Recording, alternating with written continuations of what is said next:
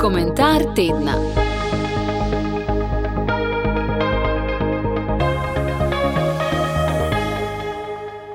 Katarza je svoj komentar naslovil dr.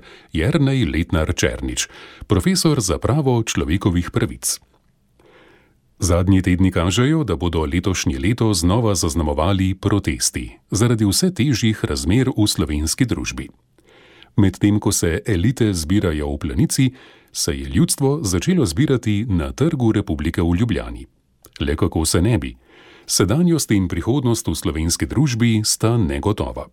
Umazana povezanost, nepotizem, klientelizem in vse prisotni konflikti interesov zavirajo človeški razvoj v slovenski družbi.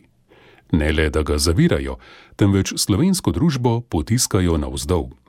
Na mesto blaginje za vse imamo vse bolj privilegije za peščico.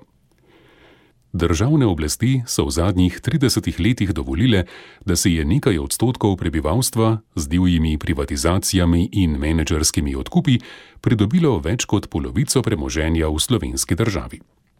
Razlike, ki so se denimo na norveškem ustvarjale več kot sto let, so pri nas nastale le v 30 letih.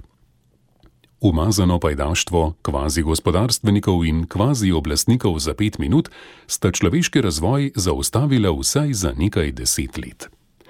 Zato so protesti upokojencev, gasilcev in še vseh ostalih razumljivi. Želijo si dostojanstvenih pokojnin in dohodkov. Povprečni dohodki vseh poklicev so v slovenski družbi porazni. Občutno zaostajajo za dohodki zaposlenih na evropskem območju blaginje okrog Bodenskega jezera. Po drugi strani skoraj ne mine teden, da se ne oglasijo delavci, ki javno oznanijo nezakonite delovno-pravne prakse pri svojih agencijskih delodajalcih kako so lahko razmere v slovenski družbi drugačne, če institucije pravne države na številnih področjih ne delujejo. Inšpekcije in sodstvo so zaradi njihove upetosti v prepleteno slovensko okolje prepogosto prepočasne in neučinkovite. Vse skupaj so posledice danih razmer v slovenski družbi, kjer institucije v javnem kot zasebnem sektorju delujejo skladno z vnaprej sprejetimi pravili. V takšnem okolju je razmišljanje o boljši družbeni prihodnosti luksus. V takšni družbi postane vse relativno. Pravila se prilagajajo glede na vsakokratnega oblastnika. Vladavina prava postaja oziroma ostaja pogojena z vašo lojalnostjo. Ustavna demokracija ne le da ostaja relativno načelo, temveč je tudi slabo razumljeno in ponotranjeno načelo.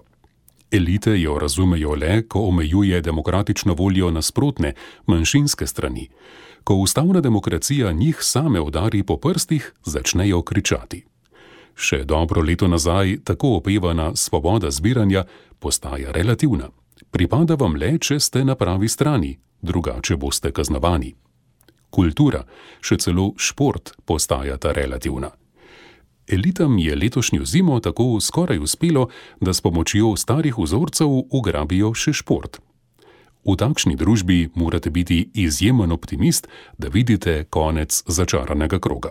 A vsak krog ima tudi svoj izhod.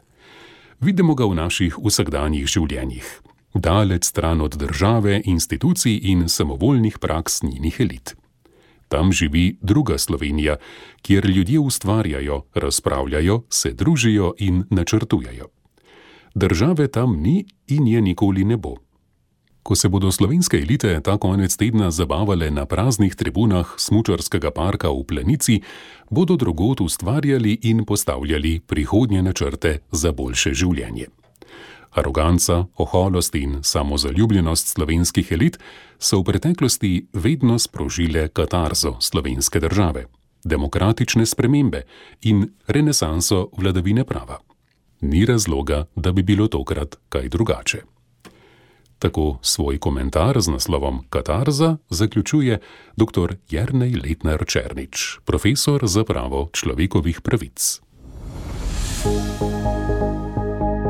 Komentar tedna.